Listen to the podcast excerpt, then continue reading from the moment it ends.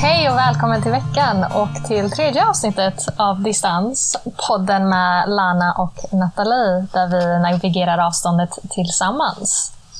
Sjukt att vi redan fått ihop tre avsnitt. Um, tack så mycket för veckans förra avsnitt och um, för så många lyssnare. Och vi hoppas att uh, ja, det finns vissa lärdomar ni kan ta från det avsnittet. Och såklart, har ni flera frågor så är det bara slide into our DMs och fråga. um, Okej, okay, så veckans avsnitt. det är ett uh, tema som uh, kommer nära in i hjärtat på både mig och Nathalie och det är faktiskt produktivitet. Mm. Um, så hur produktiv har du varit den här veckan Nathalie?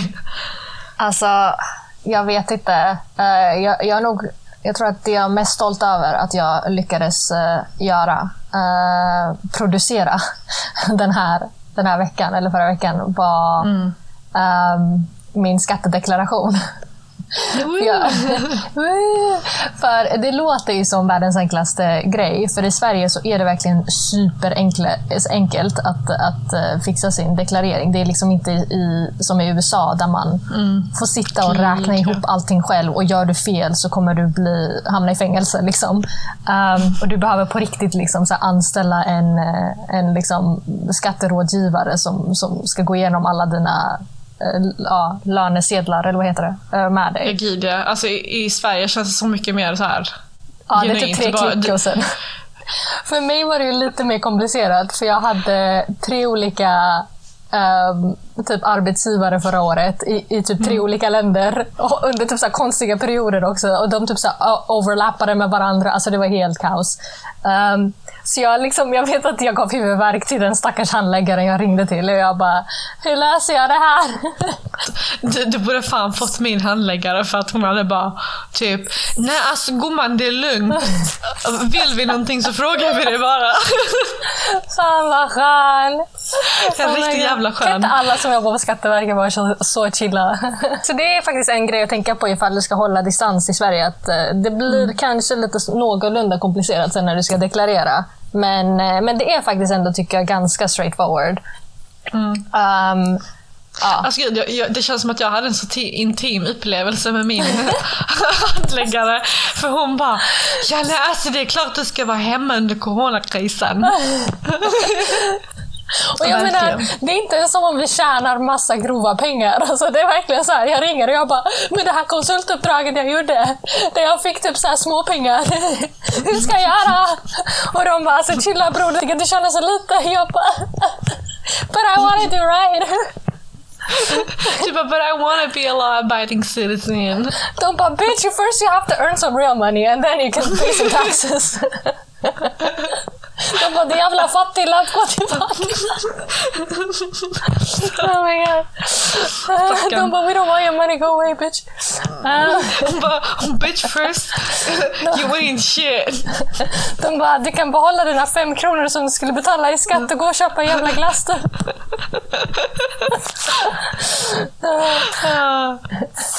Så nu ska vi faktiskt snacka om produktivitet, herregud, det var ju hela poängen. Men du har varit produktiv med din skatt. Men har du varit produktiv den här veckan? Alltså, de senaste två dagarna ja, men eh, ja, nej allt innan det är inte så bra. Och jag tror även mina Google searches reflekterar den oron för att jag har googlat typ en massa om så här What to do when you have no motivation och feeling very unproductive, uh, unproductive at work. Och sen en, en till Reddit-tråd på I'm struggling with being unproductive. Um, och sen så har jag även sökt study productivity, take break, because I tried to justify my laziness through scientific evidence. I mean, that's what you're supposed to do. Men, men jag, tror, jag tror du har hamnat lite i en alltså, produktivitetsfälla. Um, håller du med? Mm. Mm, alltså är, det, är det då typ att du menar mer att, uh, att jag måste känna att uh, jag är produktiv hela tiden för att kunna typ not feel guilty? Nej, men jag tänkte bara på, eh, på att du har liksom jobbat så, så hårt. En av konsekvenserna med att man väljer att studera utomlands och jobba utomlands um, kan ju vara att det inte alls finns samma nivå av en jobb-liv-balans som finns i Sverige. Gud, ja. Gud, ja. det, det är en jättestor trade-off. Hur ser du på det? Jag håller så med om detta för att eh, jag, jag jobbar ju hemma i Sverige nu eh, för ett utländskt företag eh, på, på grund av den här coronakrisen. Och, och liksom så här, det är jättevanligt för mina medarbetare att eh, jobba efter Alltså efter office hours och liksom vakna upp klockan 7-8 på morgonen, jobba eh, trots att vi börjar 9 och sen så jobba liksom till 8-9 på kvällen. Och, och även liksom innan hela coronagrejen så var det nästan som att folk tyckte om att påpeka hur mycket de jobbar. Och Jag tror att när man är svensk så är det liksom att okej, så här. Nja, jag kan, inte relate- jag kan inte relatera till det för att jag tycker inte mitt jobb definierar mig på det sättet. Men uh, jag såhär, you do you. Um, men absolut. um, det, det är väl, jag, tror att eh, folk ser produktivitet som typ ett sätt att mäta sin prestation på jobbet. Um, utomlands i alla fall, var jag jobbar. Ja, det finns ju den här typ uh, fetish med att vara busy. Ehm, och typ så alla ska liksom... Även om man inte gör ett skit så ska man ändå spela typ så här, ah, men jag, har- alltså jag, har, jag jobbar så hårt, jag har inte ens tid för mina vänner. Jag, alltså jag har inte tid, jag har inte tid. Jag är så busy, jag är så busy, busy bee. Liksom. Så jag vet att när jag jobbade på, eh, i, i London, liksom, som låtsades att de hade fortfarande saker att göra för de var rädda för att gå hem. De ville inte vara de första som gick hem. Ehm, så de typ stannade kvar tills andra människor började gå hem. Fastän de inte hade, alltså de gjorde ingenting. Det var inte så att de var busy på riktigt, utan de ville bara inte, vara, de ville bara inte verka obusy. Men herregud, bara för att då hade man trott att de inte liksom så var duktiga nog eller? Alltså, Eller är, är det för att, de, så här, för att de känner att de, inte kan, de inte kan lämna sitt jobb först? Eller är det för att de oroar sig att chefen ska tro att de liksom inte gör tillräckligt för att de är klara i tid? alltså både och. Men gud vad hemskt. Både och. Alltså det finns en sån kultur. För, jag, för det är det som jag, liksom, jag och Lana um, också vill liksom belysa. Eh, och Vi vill liksom inte måla upp uh, filterredigerat uh, redigerad bild av hur det är ehm, att, att bo utomlands och bara, uh, alltså, vilket glansigt liv man lever. Liksom. Utan, eh, Alltså, precis, precis. Tanken är att vi ska liksom varva avsnitten så att eh, varannat avsnitt ska vara ganska informativt och ge väldigt tydliga liksom, ehm, guidelines till hur man gör. Eh, och Sen så tänkte vi att i, i varannat avsnitt så går vi lite djupare in på ehm, vissa ämnen och saker som kanske är mycket tydligare utomlands eller är, eh, ändå, ändå skiljer sig en del från hur det är i Sverige. Och, och då försöker Precis. inte vi liksom säga att den här prestationsfällan eller produktivitetsfällan inte finns i Sverige. Ehm, för jag känner absolut de som ändå har liksom väldigt långa timmar på jobbet och, och sådär här också. Ehm, så det betyder inte att varje arbetsplats har liksom uppnått någon sorts jobb-liv-balans eller liknande. Eh, att det, det absolut inte stämmer. Men jag kan ändå tycka att den här distansen mellan toppen på, på kullen där, där man vill vara och det här bottnet där du känner att du är eh, ändå är större. Eh, speciellt om du liksom ska jobba i London eller New York eller en av de här liksom ställena. Och, och att den här toppen hela tiden förflyttar sig. Och man hamnar liksom djupare och djupare i den här, det här avgrundet, den här dalen, den här fällan. Liksom. Ehm, och det, det är nästan det är typ trendigt. Eller, ja. trendigt att vara upptagen och ha åstadkommit mycket på kort tid. Att, att man liksom mäter sin man mäter sin värdighet eh, och si, sin arbetsetik på hur mycket man har åstadkommit under X tid. Um, och det är så fel att börja sin karriär på det sättet, eller till och med leva sin karriär på det sättet. För att eh, Alltså det, det är någonting som kan verkligen spilla över i ditt privatliv och göra så att du kanske inte har ett privatliv. Men jag håller definitivt med att absolut, det finns ju vissa jobb där alltså tyvärr det är så. Men till exempel Nathalie, du jobbar ju i en advokatbyrå där det är väldigt vanligt att arbetstimmarna är liksom 10 timmar, 12 timmar eh, om dagen. Och det, det är jättevanligt. Och det är också så när man till exempel är läkare, eh, även liksom, i- alltså, i mitt yrke, Eh, det jag var involverad i. Ehm, det var också liksom, ja du ska rycka in och hjälpa ett företag um, återhämta sig efter, en, eh, efter ett, ett, stort problem. Och då var det liksom att okej, okay, du, får, du får tillbringa liksom Ehm, um, 12 timmar om dagen där i ett par veckor. Och det, och det är klart att sker det i perioder och är det liksom sådana fall så är det ju kanske mer acceptabelt. Men att, att bygga upp en, ett, ett liv som är så ohållbart eh, bara för att du vill åstadkomma någonting så snabbt som möjligt. Det är verkligen någonting man ska tänka, tänka till och utvärdera varför, varför du verkligen behöver göra det. Mm. För det, det, är det som är grejen. I Sverige så pratar man i alla fall om om äh, livspusslet och, och man försöker ändå åstadkomma liksom, en sorts balans. Eller, mm. Men det är så mycket svårare att uppnå den här lagom tillvaron utomlands.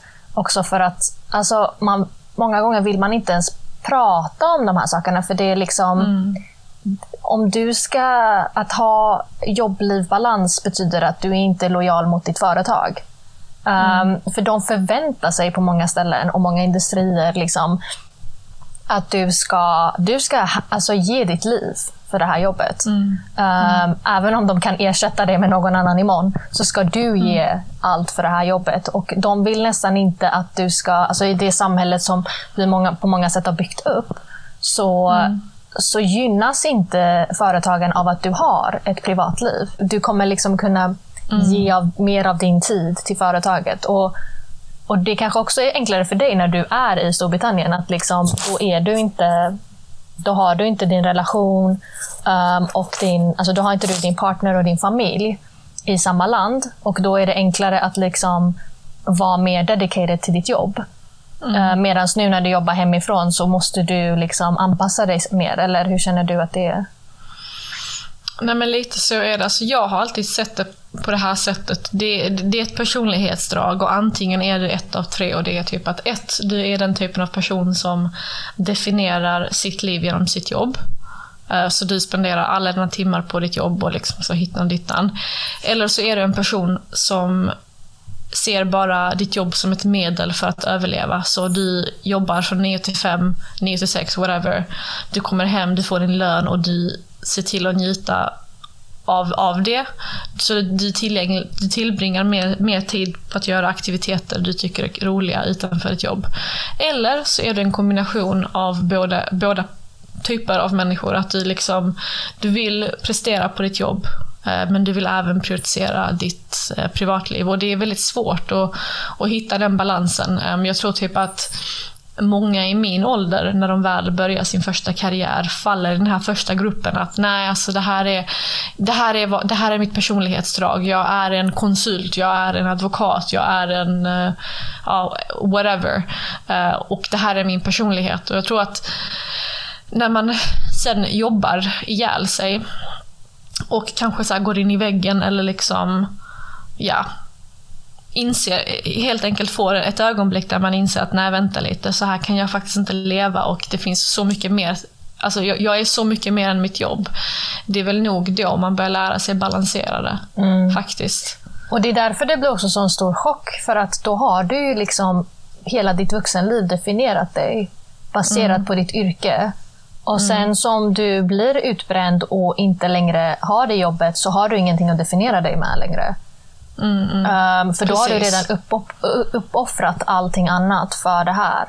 Och Det är typ en av anledningarna till varför många söker sig utomlands. Jag vet att när jag liksom ville plugga utomlands så var en av sakerna, eller så, så var en av motivationerna just det här med att jag bara, nej men jag vill ha mer. Jag tycker att i Sverige så har jag liksom alltid blivit begränsad.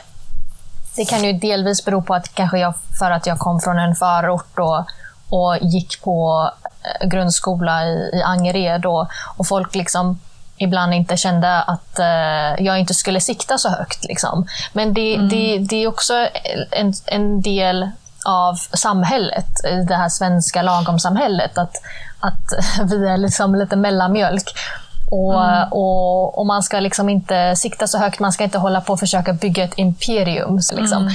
Och och Det tyckte jag var väldigt frustrerande. Jag ville så gärna liksom iväg någonstans där, där folk vågade drömma stort. Och Det var ingen som skulle liksom trampa på det så fort någon uttryckte att de hade en stor dröm.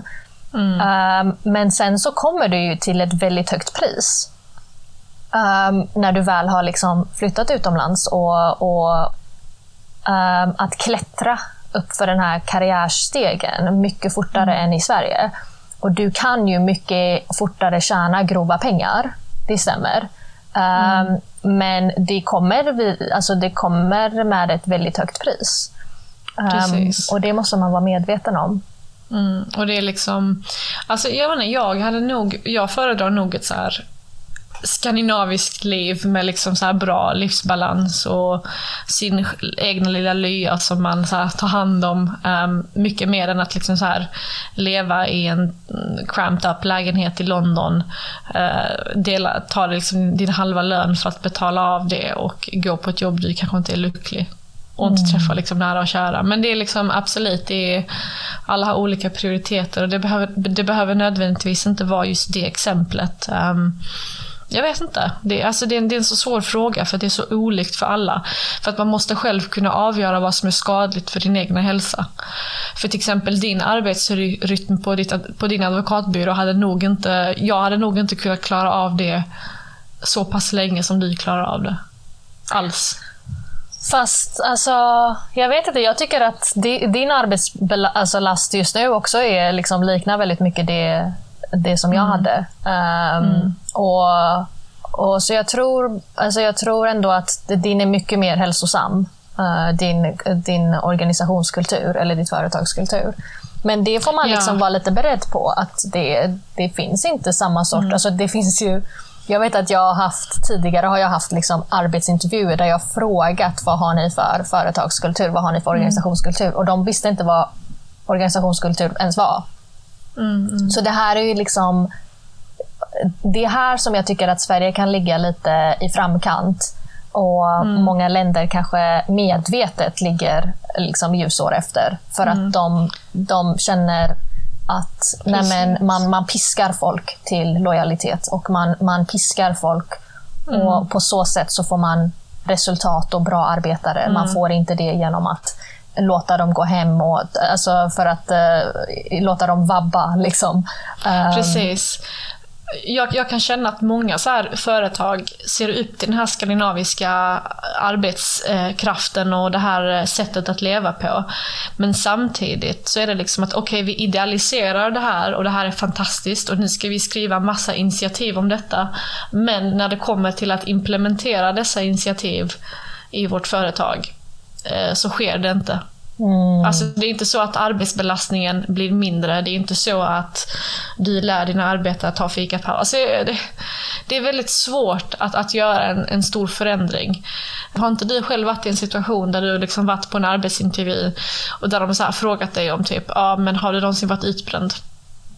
Och bara, nej, alltså vi vill inte ta emot någon som har liksom varit utbränd för att ja, det här jobbet är krävande. Ja, alltså det finns inte alls samma sorts liksom förståelse för, mm. för det här. Um, mm. det, det är liksom... Jag vet att jag varit med om att någon sa liksom i stil med att uh, tänk på att liksom, ni ungdomar, ni får tänka på att ni inte har några så här gap i ert CV. Uh, för då kommer vi liksom bli lite oroliga. Bara, oj, oj, blev den här personen utbränd eller vad då? Typ. Mm. Och det, det, finns en sån dålig, liksom, eller det finns en intolerans uh, mm. mot Eh, för det här. Och det, på, på så sätt så, så, så tycker jag att liksom, man får vara medveten. Och det, och det är många som tänker, liksom, jag känner många som typ pluggar mm. utomlands och jobbat utomlands som känner liksom att Nej, men jag vill grinda. Jag är i my 20s, jag är i my, kanske till och med 30s. Jag vill grinda. Jag vill tjäna grova pengar. Jag vill få den här internationella erfarenheten. Jag vill ha det här flashiga livet.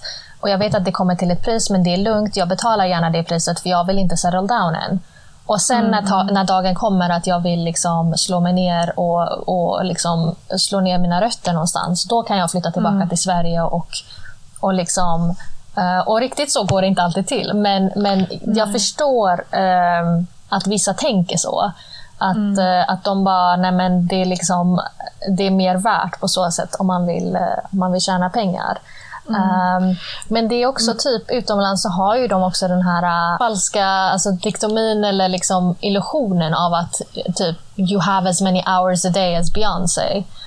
Um, och, och, det är liksom, ja, men du kan, du kan liksom uppnå vad du vill och det är mer, meritokrati som gäller och det är liksom så här, om du bara jobbar och grindar så kommer du också bli ja, miljardär. Och de typ, och, och, du vet så här, ja. och det är så falskt för att det är inte så. Um, speciellt typ så när folk typ så ska titta upp på typ Elon Musk eller och du vet så här, han och Donald Trump, alltså de här är ju människor som typ i got a small loan of a million dollars från min pappa. Och du vet, så här, mm. Det är många som har pratat om det här med att när, det, när du är så pass rik och du kommer från de förutsättningarna så kan du bara faila mm. uppåt. Eh, men det här, det här är också någonting som man kan typ ta i, i den svenska kontexten och det är liksom att alla vill inte vara entreprenörer. Eh, jag tycker att ett jättebra exempel på det är han där eh, Gary, Gary V. Ehm, så han, han är basically så här en marketingexpert och han är jätteduktig på det han gör. Ehm, och han så här, är en motivationsföreläsare och han har väldigt mycket att säga. Men han är liksom ett primärt exempel på det här uttrycket “You have the same amount of hours as a day, uh, a day as Beyoncé. För att han säger ofta typ att okej, okay, du går på ditt jobb från 9 till 5 och du kommer hem så har du liksom, uh, du behöver inte sova så här 10 timmar, 9 timmar, du kan sova 7 timmar. Vad gör du med den resterande tiden av din dag? Lalalala. Du, det här kan du använda för att utveckla din business. Eller massa sånt, massa sånt här typ eh, trams typ. Mm. Jag tänker så här, okej, okay, absolut du har en riktigt, riktigt viktig poäng i det här och det är liksom att mycket handlar om hur vi planerar vår tid. Men sen så vet du måste, du måste lägga det i olika kontext för att okej, okay, men ta liksom någon närstående till mig som pendlar liksom till sitt vardagsjobb. Där ryker två, tre timmar. Eh, sen så ska man laga mat, sen så ska man också ha tid till att städa sin lägenhet. Man kanske inte har en maid man betalar. Eh, man mm. kanske är en småbarnsmamma som måste hämta barnen från dagis. Man, man kanske måste hjälpa sina ungar med läxor och laga mat. Alltså, det är liksom alla har inte de förutsättningarna och också att alla vill inte. Alltså jag vill inte just nu i mitt liv, vill inte jag behöva bygga upp massa företag och sälja dem och investera, investera dessa pengar i något annat. Jag, jag vill inte det. Jag tycker inte att... Jag har sett, jag har sett folk tillbringa större delar av, av, sin, alltså av sina 20 och göra det. Och jag mm. känner bara inte att jag har inte det drivet, jag, det är inte någonting jag vill göra. Jag är fortfarande minst lika ambitiös, men det är bara att jag väljer att spendera min tid i något annat. Och varför måste jag... Alltså, vem säger att jag måste välja att, att tillbringa mina fyra, fem resterande timmar av min vardag att skapa någon, något företag? Jag vill inte det, så you know, leave me the fuck alone. Mm. Nej men absolut, och jag tycker faktiskt att det är så otroligt att, att du har kommit fram till det här vid så ung ålder. För jag vet att liksom, när jag fick mitt första jobb i, i UK så var jag, alltså jag var, sån, jag var så desperat av, efter, att, efter att få beröm och att mm. pleasa och vara en sån riktig people pleaser. Och jag, så, jag bara typ kände att uh, alltså, nej, det här är inte tiden för mig att mm. ha en relation. Det här är inte tiden för mig att liksom göra uh, göra någonting förutom att ge allt till mitt jobb. Så jag köpte verkligen hela det här. Men sen så måste du eh. också förstå din bakgrund. Alltså, du, har levt, alltså, du levde under under vissa förhållanden där folk hela tiden sa till dig Men vänta, nej men du kan ju inte, nej du ska ju inte plugga det. Det, det är, lite för, det är lite för eh, ambitiöst för dig. Nja, din, den här essän du skrev på den här boken, ah, det är för lite för perfekt svenska. Så nja, det, det är nog inte det du gjort. Så det är klart som fan att du har det här behovet av att, av att visa hur mycket du kan och hur många bollar du kan hålla i luften och vad du kan skapa och, och liksom allt. Du har det behovet för att du har blivit förnekad av, av all typ av beröm sen du växte upp. Eller hur? Alltså, ja, jag har haft typ så här, en SO-lärare eller svenska lärare som liksom inte trodde att jag hade skrivit min egen alltså, bokrecension, för, som du sa. För att han tyckte att uh, det lät inte som någonting en blatte och röd kunde skriva. Liksom. Um, hur kunde jag de här orden? Liksom, hur hade jag det i min vokabulär? Liksom? Mm. Um, Absolut. Jag tror absolut att jag har jagat efter en sorts eh, validering. Eh, mm. för, och liksom haft osäkerhet i mig själv för att jag inte har fått det utifrån. Men jag tror också att liksom, jag också lärt mig på den tuffa vägen eh, vad det här höga priset är. Eh, mm. När man liksom blir totalt dedikerad till sitt jobb. Mm. Um, på, på det sättet som, de, liksom, som det oftast krävs utomlands. Um, nu pratar vi om väldigt liksom, specifika branscher. Då. Det här behöver inte alls vara fallet på alla branscher i, mm. utomlands, bara för att det inte är i Sverige. Um, men, eh, men ja, och, och det, liksom, det finns ju inte den här platta hierarkin som finns i företag i Sverige. Utan mm utan det är liksom, man ska ju ha respekt för auktoritet, vilket jag liksom aldrig fick lära mig. För det gör man ju inte i Sverige. Man pratar ju med... Alltså man, eh, man använder ju sin lärares första namn när man mm. liksom pratar med dem. Alltså mm. Sånt här finns ju inte i Storbritannien. Utan från en ung ålder så ska du liksom visa väldigt mycket respekt till, alltså till hierarkin. Och det finns den här klyschan och kulturen av att ha en väldigt strikt chef Mm. Och, eh, och, eh, du ska liksom, och de ska, kommer inte respektera dig, utan du är där för att förverkliga deras vision. Ja, precis. Och, eh, och du är inte där för att ha dina egna vackra lilla tankar och idéer, utan mm. du är liksom där för att få jobbet gjort. Och sen när du har jobbat dig upp och blivit chef så kan du vara den här stränga människan och sen kan du framföra dina idéer. Precis. Och det, och liksom det är inte alls du, överallt, men... Ja. Nej, nej, och har du liksom en motsatt åsikt. Eh, så som Nathalie sa, det var faktiskt ett jättebra exempel det här med att du ska förverkliga eh, det som någon annan har i huvudet och liksom ifrågasätter du det eh, så kan mm. det vara en väldigt så här, career limiting move. Mm. Mm. Det kan det. Ja, och det är det som jag tror att alltså, det här med att ha en produktivitetskultur och fälla, det kommer redan liksom från barnsben i många av de här länderna. Att, eh, mm. och, och till och med också på, när jag gick på universitet, Alltså självklart så har vi liksom nationer och så vidare på svenska universitet där man kan vara med i olika föreningar eh, på universitetet. Men men i, i bland annat Storbritannien då, där jag liksom pluggade, där är det, alltså, det är så mycket större. Till och med dina egna lärare kommer säga till dig att liksom, du kan få högsta betyg, men om du inte är president i den här föreningen eller om du inte har varit aktiv i den där föreningen, så kommer du inte kunna stå ut mm. uh, för en arbetsgivare. Och det kommer liksom, du kommer kanske inte bli anställd, även om du har högsta betyg. Men jag har också märkt det i mitt företag, att det är liksom eh, det, det, är alltid en viss grupp av människor som, att, som är de första som ska räcka upp handen när det är liksom, okej okay, vi behöver en representant för det här, vi, har, vi behöver en deltagare för det här, vi behöver en skribent till det här. Eh, och det är alltid de samma personer som bara, ja jag vill, jag vill, jag vill. Och jag tror verkligen att det är det här beteendet. Alltså den här mm. växten av att du måste ha något, något extrakurikulärt hela tiden. Och jag menar, jag hade ju det... Um, jag kom väldigt fort in i Law Society då, som vi hade, alltså juridikföreningen på mitt universitet och, var, och satt i den kommittén.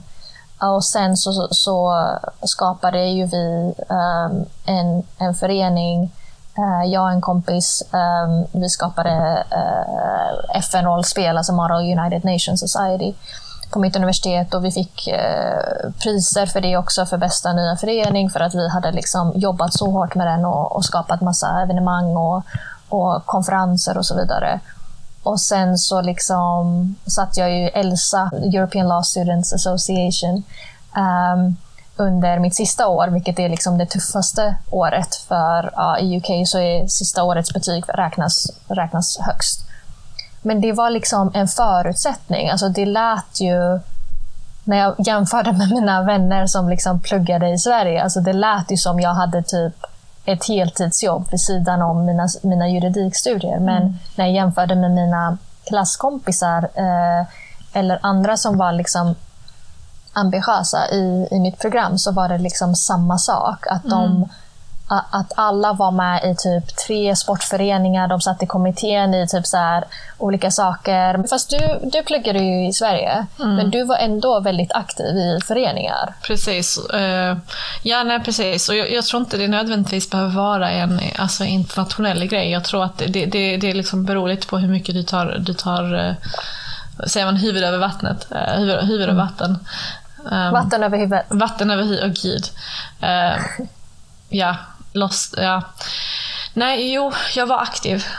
Um, jag liksom så hade också en organisation jag var väldigt, väldigt aktiv i. Um, samtidigt som jag liksom var projektassistent till ett annat, till en, till en hel konferens samtidigt som jag pluggade heltid, samtidigt som jag liksom eh, jobbade deltid också för att kunna tjäna ihop lite mer pengar på helgen samtidigt som jag eh, tog mitt körkort. Eh, mm. Så det, det, är klart, och det beror lite på hur man själv väljer att balansera sitt liv och just då var det väldigt hektiskt, verkligen. Um, men så här, jag är också glad att jag gjorde det bara för att jag lärde mig lite mer om hur man ska balansera jobb eh, och vad man ska prioritisera. Um, och också att det är inte så viktigt att vara, eller ja, det är inte så viktigt för mig att vara så ambitiös hela tiden. Mm. Um, mm. Men jag tänker liksom även om det är, man kan också vara lika engagerad i, i extracurriculars liksom, um, i Sverige så tror jag ändå att svenska arbetsgivare kanske inte lägger, lägger lika stor tyngd på det sen. Mm. För jag vet att så många arbetsintervjuer som jag har varit på, alltså, de ser det som en självklarhet att jag har liksom min utbildning ser de som en självklarhet. De ställer inte så många frågor om det, utan de säger, säger liksom så här att utan de ställer frågor om ledarskap mm. uh, och olika situationer. Och Då vill de gärna att jag använder mig liksom, av saker som jag till exempel lärt mig och vad jag har mm. gjort som var liksom, i olika föreningar. Mm. Och, och, de, och till exempel, jag tror att det har gjort mig så mycket mer.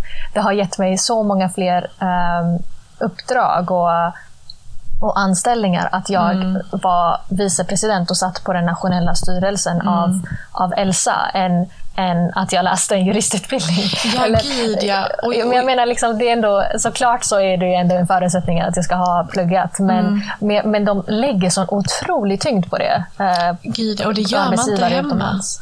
Det gör man inte hemma, det kan jag gott säga dig. För att jag vet att så här, jag har, liksom, jag har eh, gjort redovisning för, för min organisation. Har jobbat med liksom en, en revisor och fått ihop um, allt, alla fakturor, allt där. Använt mig av uh, revisionsprogram och liksom massa sånt du vet. Skött alla, liksom skatte, alltså alla ärenden i Skatteverket och så vidare. Uh, och sen så kan du komma till en jobbintervju i Sverige och de bara, ah, men har du haft 15 HP i revision? Bara, Nej bror, jag har inte pluggat revision information eh, på en eh, kurs som man kan klara av på en dag. Men jag har fan lett en hel jävla, organisation och hållit koll på deras böcker. Jag bara, är inte det legitimt? Ja, vi ser helst att du har de här 15 HP. Man bara, alltså snälla. Jag bara, och, och med HP menar hon högskolepoäng ifall ni undrar. Ja, precis. Om det går i gymnasiet och inte vet. Precis. Och man bara, men gud, alltså att, att det är så viktigt. Och sen så vet, kan jag komma på en jobbintervju utomlands och bara, hej jag har styrt ett projekt med en budget över eh, 120 000 kronor samtidigt som jag har liksom gjort eh, tio mer grejer. Eh, och det har lärt mm. mig ja, det och det. Och de bara, åh gud vad imponerande. Mm. Så här, och mm. Det känns bara som att det är inte liksom... Men det, men det är ju min personliga erfarenhet, men det känns inte som att det är det, ja, ja, alltså det, är det, är det som är så kon, det är det som är så himla alltså, motsägelsefullt. Att på sätt och vis så kan vi i Sverige vara så inside the box när det kommer mm. till sånt här. Att du ska ha läst just specifikt just den där utbildningen. Och i Eh, och, men sen när du blir anställd så, kan du på, eh, så får du tänka fritt och du får ha liksom mm. massa idéer och du får bidra och du får jättegärna vara outside the box.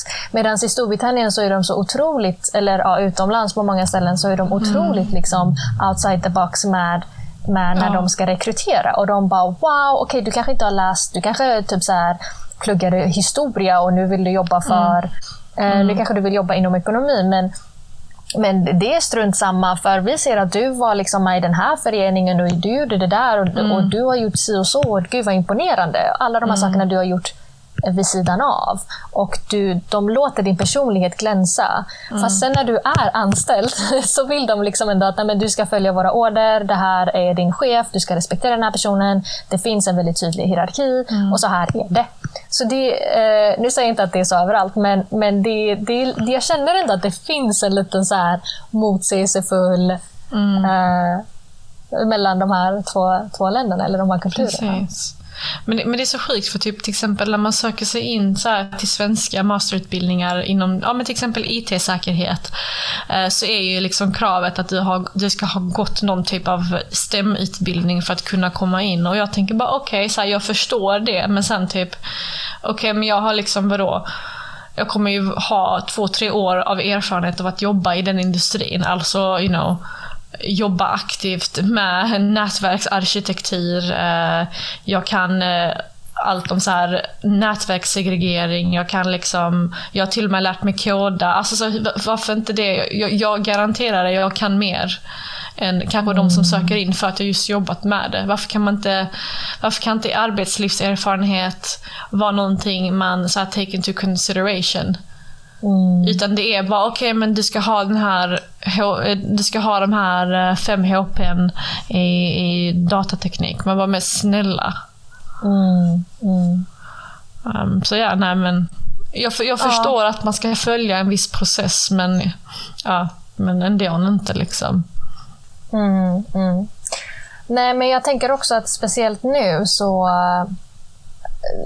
nu har ju liksom produktivitet på så många sätt eh, behövs omdefinieras under den här pandemin. Ehm, jag känner att jag får ge en så trigger warning om corona nu, men, eh, men jag känner att nu har liksom eh, nu har man fått tänka om lite grann.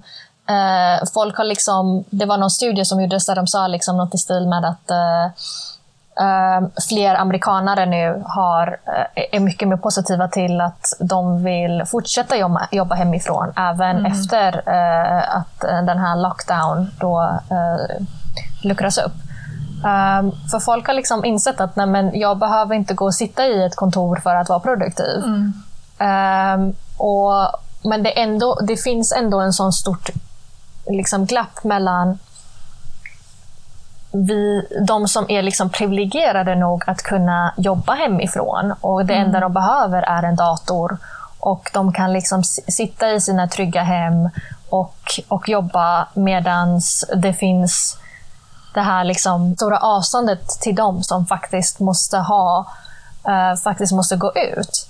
Mm. Uh, och inte ha den lyxen, utan de måste gå in i vården. Essential workers då, som, som faktiskt måste måste gå ut och, och att vi har liksom skapat den här distansen mellan de två de, de yrkeskategorierna. Jag känner att det här med att vara blue collar och vara white collar har varit liksom så mycket tydligare nu. Um, och och det är så, det är, klasskillnaden har såklart blivit så, så tydlig under mm. den här pandemin. Mm. Um, och och, och, och hur liksom produktivitet ska se ut under, under covid-19. Liksom. Jag tror verkligen att det, alltså, för många kan det vara, verkligen ångestframkallande. För att, jag vet inte ifall du har märkt det, men typ så här, det är så mycket på typ sociala medier nu. Okej, okay, nu, nu har du tid att göra allt det du velat göra. Nu har du tid att göra yoga. Nu har du tid att göra dessa homeworkouts hela tiden. Nu Skriva har du tid att... din bok, starta ja. en podd. Mm -hmm. Guilty is charged. men liksom det här med att okej, okay, du har tid till att baka. Du, du måste göra alla dessa tre grejer grejer. Man bara, okej, okay, jag, jag, kan lätt tänka mig att folk som typ lider av utmattning, folk som liksom att folk bara inte, nej alltså jag vill inte behöva göra så jävla mycket. Jag behöver den här mentala avkopplingen. Jag behöver att inte liksom producera, skapa, kreera varenda minut av mitt liv. Alltså jag kan mm. verkligen tänka mig hur triggande allt det här kan vara också. Och det är liksom mm. att du mm. behöver inte vara produktiv hela tiden. Absolut inte. Och man ska inte känna den pressen. Nej, alltså vissa eh, får det ju låta som om det här är en liten semester. Mm. Uh, att bara, åh vad mysigt, nu kan du få jobba hemifrån och göra surdegsbröd och, och liksom vet fan, skriva den här boken Alltså jag du alltid lovar dig, alltså jag, jag har aldrig i mitt liv på mitt Instagramflöde sett så mycket surdegsbröd och bananbröd. Jag bara alltså what's the deal? Varför? Alltså jag bakade också bananbröd häromdagen Ja, men jag la jag- inte upp det på Insta för jag vill inte vara så basic. Nej, nej precis. För att alla gör det. Typ. Jag, jag har också typ massa som bara “nu har jag lagat bananbröd”. Man bara alltså, det har du gjort typ i tio veckor. Har, har du inte tröttnat på det? Och bear in mind, alltså vi hejdar inte. Vi är själva del av det här där, man, där vi är privilegierade nog att kunna liksom, eh, syssla med kreativa projekt och göra massa annat som, som vi annars inte kunnat göra uh, under den här perioden. Och då är man ju uh, by default liksom otroligt privilegierad. Uh, jag känner ju någon i min närhet som jobbar inom vården. Och, och, och det är liksom det är ju helt olika sorters verkligheter. Man, man jobbar lite grann med både den här skuldkänslan över att man inte behöver själv ta den fighten eh, personligen med covid-19. Samtidigt som Samtidigt som man, man bakar men, surdegsbröd. ja, men samtidigt som man bara, men, men gud, det är så påfrestande att, att det här händer just nu. Och, och visst, jag är inte det största offret här, verkligen inte. Um, men, men det är ändå otroligt påfrestande. Um, och, om man känner sig maktlös ibland och ibland försöker man kanske återuppta den här makten genom att, ja, jag vet inte, baka en jävla surdegsbröd. surdegsbröd. Men um, men ja, alltså. Jag, jag känner att jag har mentalt i början bara, bara sugde åt mig liksom, all den här informationen och höll mig hela tiden uppdaterad på nyhetssändningarna. Och sen så har jag liksom bara känt att, nej men, du vet den här TikTok där han bara “it is what it is”. alltså jag har liksom verkligen tagit, försökt ha det som lite mentalitet att jag bara, jag kan inte styra över allting. Jag kan inte eh, tvinga andra människor bara, jag, kan att jag, kan, jag, kan inte, jag kan inte styra över allting, men jag kan fan förbättra mitt my banana bread making skills. men, men, men man känner liksom, jag kan inte styra andra människor. Jag kan inte tvinga dem att inte sitta på en uteservering. Eh, jag, jag kan inte, jag kan inte knock sense into people's heads. Eh, så, så I'm just gonna focus on me och vad jag kan göra. Och, och liksom och då kanske det är liksom, ibland är baka en jävla banana med bananbröd. Liksom. Gud vad det här spårar ut. Du, men det it är is typ- what det- it det- is. ja, Natalie det är typ- says as she slowly Men- eats her freshly baked banana bread. Men, men, det, men det är sant att det är liksom, man kan fortfarande hamna i en produktivitetsfälla även under en lockdown. Och, eller ja, lockdown och lockdown. Sverige har ju... men, När du säger produktivitetsfälla under lockdown, menar du då bananbrödsrelaterad prestationsfälla? Eller? Så har du bara en massa bananbröd i lägenheten.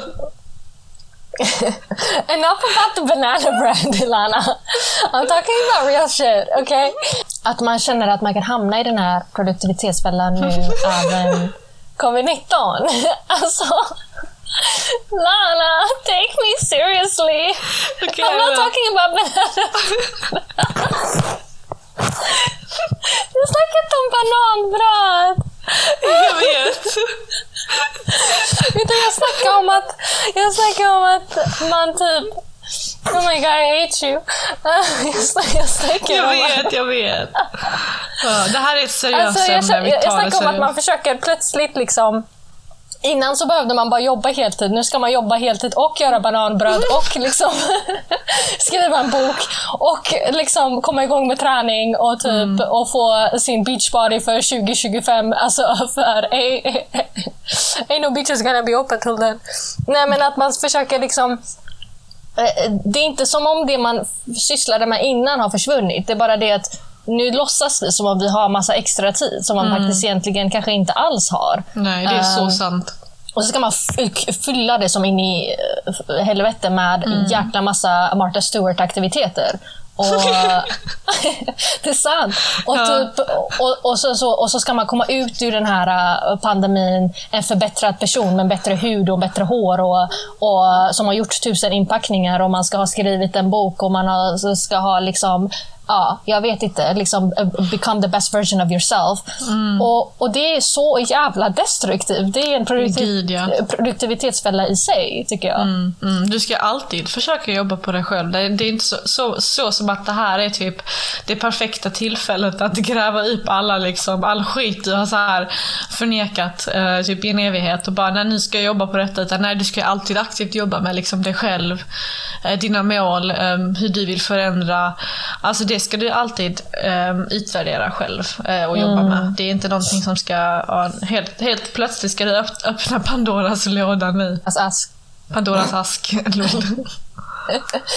Nej men, nej, men för, jag, för jag, jag har ju pratat med folk som liksom sagt att de har så mycket mer att göra nu när de har ett liksom hemmakontor eller de jobbar hemifrån än när de jobbade. För då kunde man i alla fall eh, sära på jobb och liv. Och man kunde liksom säga att ah, men nu går jag hem och jag tar inte med mig datorn och nu ska jag vara hemma. Medan nu så har ju det den gränsen suddats ut. Så det är ju många som liksom sitter mycket senare än vad de Ja. skulle ha gjort annars och jobbar.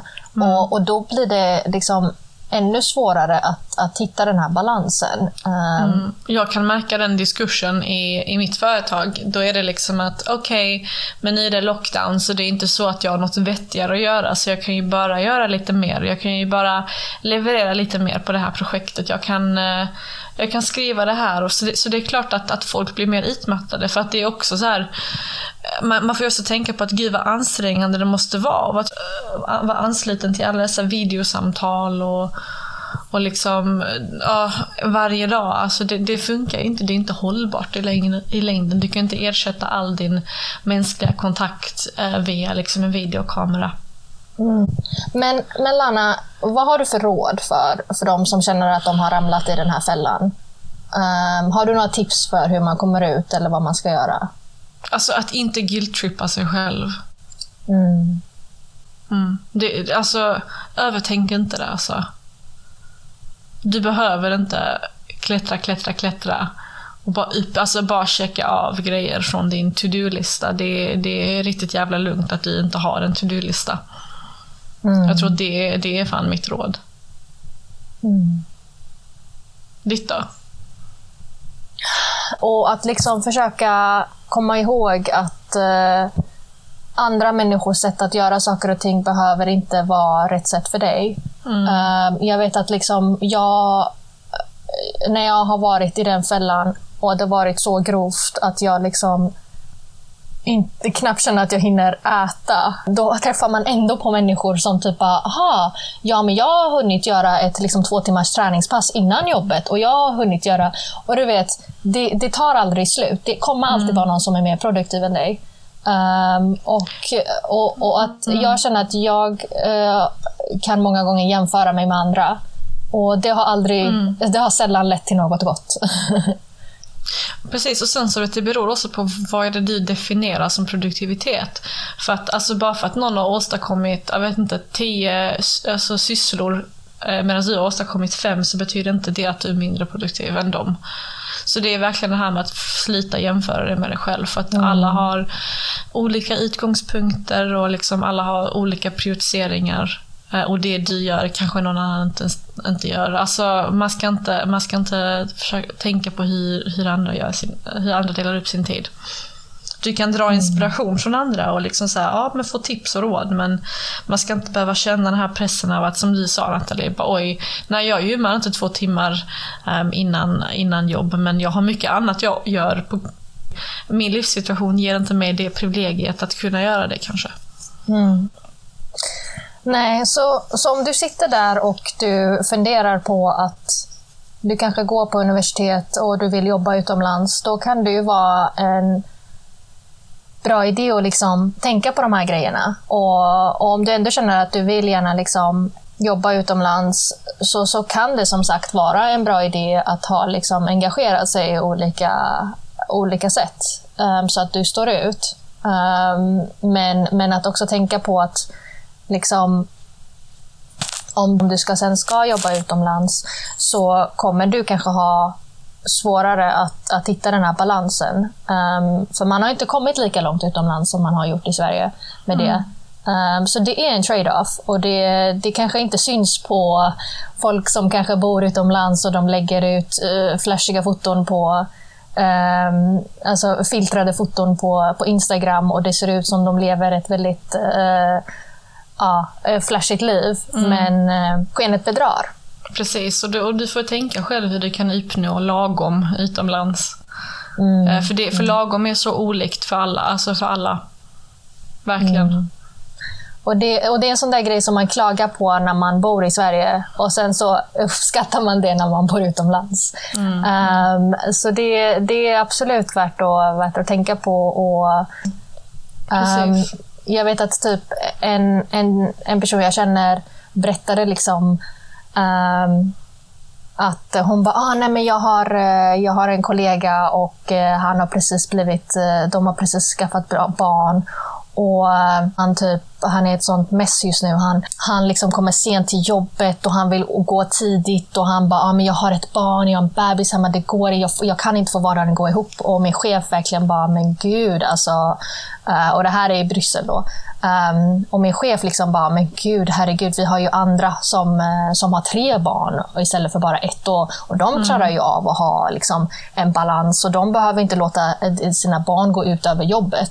Mm. Uh, och bear in mind då att i, uh, vad gäller föräldraledighet så kan den vara icke-existerande utomlands. Mm. Uh, så på så sätt så skiljer det sig grovt också från Sverige.